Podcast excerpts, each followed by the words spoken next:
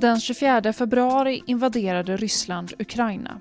Redan dagen efter gick den första transporten med sjukvårdsmaterial från Sahlgrenska universitetssjukhuset och Västra Götalandsregionen med destination Kiev. I Sahlgrenska podden idag berättar Anders Lygdman, ansvarig för internationellt materialbestånd på Sahlgrenska International Care, om insatsen i krigets Ukraina. Intervjuar gör kommunikationsdirektör Anders Goliger. Välkommen till Sahlgrenska podden. Tack för att ni vill ta emot mig. Hur låter den senaste rapporten du har fått från era partners på plats? Behovet är fortfarande stort. Eh, sjukvårdsmaterial och framförallt läkemedel är det väldigt ont om. Men det nya i den här eh, mixen är att det börjar komma mycket, mycket mer förfrågningar om mat. Och det är ju naturligtvis väldigt, väldigt oroande. Eh, det som händer i Ukraina nu det är egentligen eh, humanitärt bistånd och det humanitära biståndet syftar till en sak och det är att rädda liv. Eller vara med och bidra till att rädda liv. Antingen via mat, vatten, eh, via sjukvård i vårt fall då, utrustning eller att hjälpa flyktingar. Men det är det som är det humanitära biståndet. Så man får skilja det när man pratar om bistånd från det långsiktiga utvecklingsbeståndet. Det är två helt, helt olika logiker mm. som är i spel. Kan du beskriva, vad är det för, vad är det för material vi donerar och skänker? Vi, vi försöker ju eh, matcha vad vi donerar med behoven där nere. Och behoven eh, har varit hela tiden förbrukningsmaterial. Förbrukningsmaterial för akut omhändertagande. Och vad, vad är det då konkret? Då pratar vi om, om eh, bandage, plåster, suturer. Något annat som är väldigt, väldigt efterfrågat är också kirurgiska instrument och allting som har att göra med kirurgi. Så infusionspumpar, all, allt sånt som är viktigt för det. Sen har det även kommit in en, en tredje och det är hjälpmedel av olika slag. Alltså eh, rollatorer, rullstolar, kryckor. Allt det här har vi donerat i, i olika mängder. Mm. Men även eh, naturligtvis medicinsk-teknisk utrustning. Eh, EKG, ultraljud, respiratorer inte minst. Eh, sånt som vi har också kunnat bidra med. Inte i jättemängder, men vi har ändå skickat med det. Sahlgrenska universitetssjukhuset och Västra Götalandsregionen har en internationell materialbiståndsverksamhet som i drygt tio år har samordnats av Sahlgrenska International Care. Biståndsinsatser och donationer av överskottsutrustning görs kontinuerligt tillsammans med lokala partners på flera håll i världen, bland annat i Ukraina där ett upparbetat samarbete finns. Sen krigsutbrottet har många medarbetare inom regionen och på sjukhuset hört av sig och velat bidra med överskott från sina verksamheter. Hur går det till rent praktiskt? Rent praktiskt, om man konstaterar att det finns ett överskott eller något som går att donera, då pratar man med sin chef helt enkelt. Gäller det sjukhusutrustning eh, så tar man kontakt med oss på Sahlgrenska IC. Gäller det förbrukningsmaterial och specifikt om man vill donera till Ukraina så, så märker man upp kartonger eller emballaget med Ukraina och sen returnerar man det till Sisjödepån. Så kommer våra partners dit och hämtar det. Och det som, som, så som det hela syftar till det är ju på något sätt att lämna bistånd eller skänka material. Eh, ja, till vilka egentligen i Ukraina? Hur funkar det? Det är egentligen tre led här som är väldigt viktiga för oss. Det första ledet är oss själva naturligtvis inom, inom VGR på Sahlgrenska som donatorer. Det är våra samarbetspartners eh, som vi måste lita på och känna att, att de är duktiga. Och det är i tredje hand då mottagarna. Eh, och i det här fallet då lokala organisationer, sjukhus, vad det nu kan vara.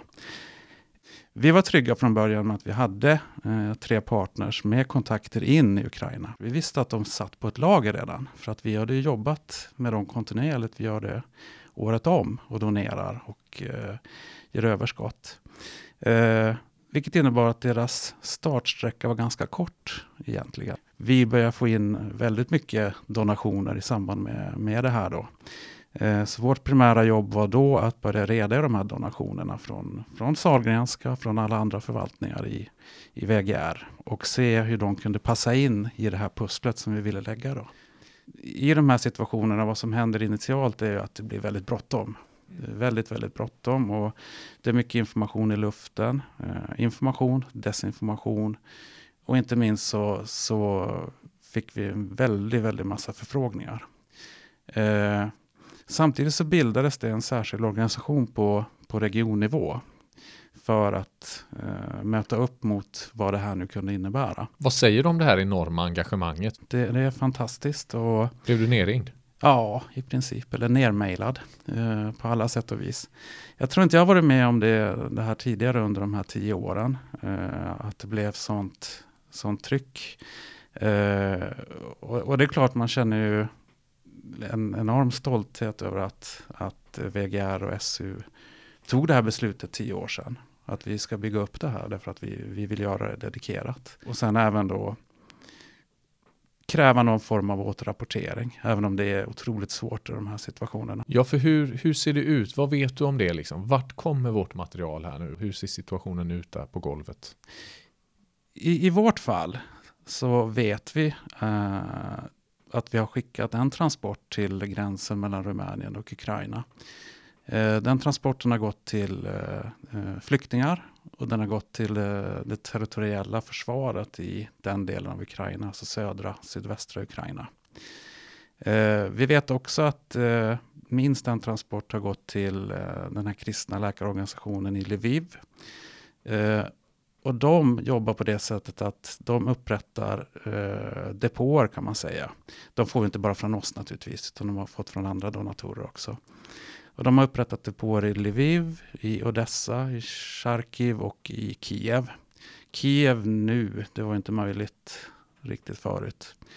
Eh, och där vet vi att de här depåerna är till och jag har sett filmer från dem och jag har fått rapporter skrivna till mig. Att där kan lokala sjukhus komma och hämta material de behöver.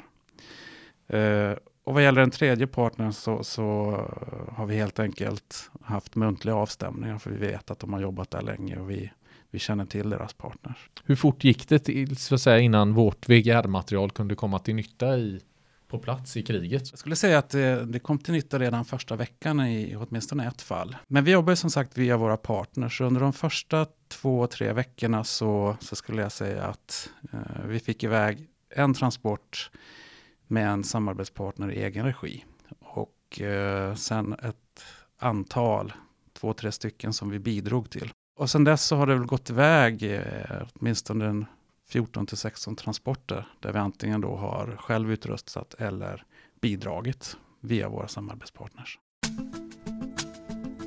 Anders Lygdman har jobbat med bistånd sedan slutet av 90-talet, bland annat i östra Afrika. Som ansvarig för materialbeståndet på Sahlgrenska International Care har han deltagit i insatser för att donera överskottsutrustning och förbrukningsmaterial till flera länder runt om i världen. Just nu riktas mycket av det arbetet med bistånd till Ukraina.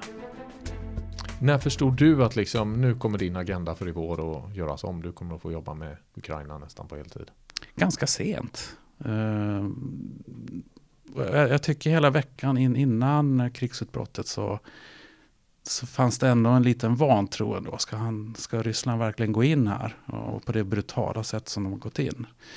Eh, det är någonting som har också eh, chockat mig lite grann. Eh, som, som biståndsmänniska och som eh, något sånär insatt i, i internationell humanitär rätt. Att, eh, att Eh, vad vi har sett är att man har fullkomligt struntat i krigets lagar. Sjukhus, sjukvårdspersonal, civila, krigsfångar, flyktingar. De är inte legitima mål på något sätt i ett krig. Nu har ju vi en lång samarbete och så, men vad är riskerna med det här? Ja, det, det är de, de, vanliga riskerna höll jag på att säga. Eh, vi vet redan nu att, att, och det behöver i och för sig inte vara negativt, men eh, när man skickar en transport så kommer den att screenas i tullen och, och, det kan hända att en transport tas undan för armén till exempel, den ukrainska armén och inte går fram till, till den eh, mottagare som det var tänkt. Eh, de vanliga riskerna naturligtvis, även om det är konfliktområde så, så kan det finnas korruption, det kan eh, avledas. Det, det, har jag sett på andra ställen i världen, liksom när, när det sker. Eh, men, men ställ dig mot att inte göra någonting. Om du har ett hyfsat system som vi har så, så vill vi ändå försöka och vi har lagt oss vinn om att kunna följa upp det här så långt vi kan.